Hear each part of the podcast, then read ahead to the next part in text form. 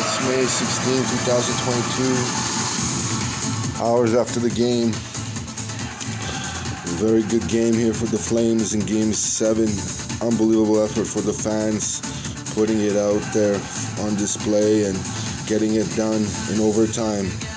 In overtime, doing a great, great job for for uh, the Calgary Flames kingdom here in Calgary. It's very good. Uh, even the fans were so nice. They, they helped out the little poor friends of St. Francis.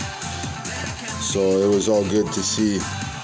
Now we can celebrate, have a little bit of a talk show. Johnny Gaudreau with the great goal there at the end. Beautiful display from Johnny this season, and even in the previous seasons. He reminds me of uh, of a uh, of an Iginla. He reminds me of an Iginla right now pushing his team up, up, up the ranks here in the playoffs. He's getting uh, much wiser, much more experienced. He's been to the All Star games, so he's gonna put some uh, good display for the Flames. And not only him, there's so many good players this year on this team.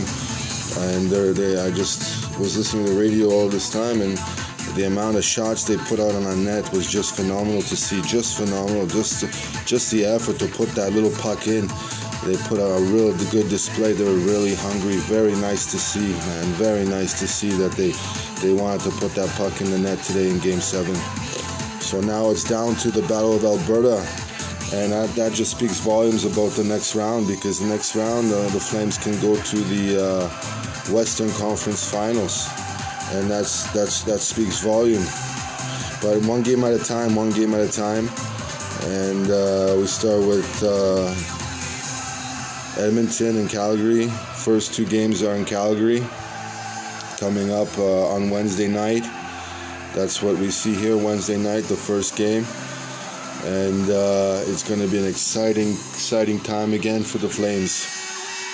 So uh, stay motivated, stay, stay fighting for it.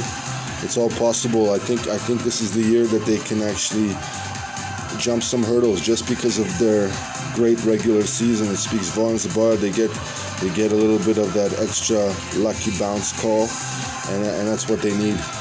So uh, stay positive. That's good. Way to go, Johnny. And the Flames. Way to go.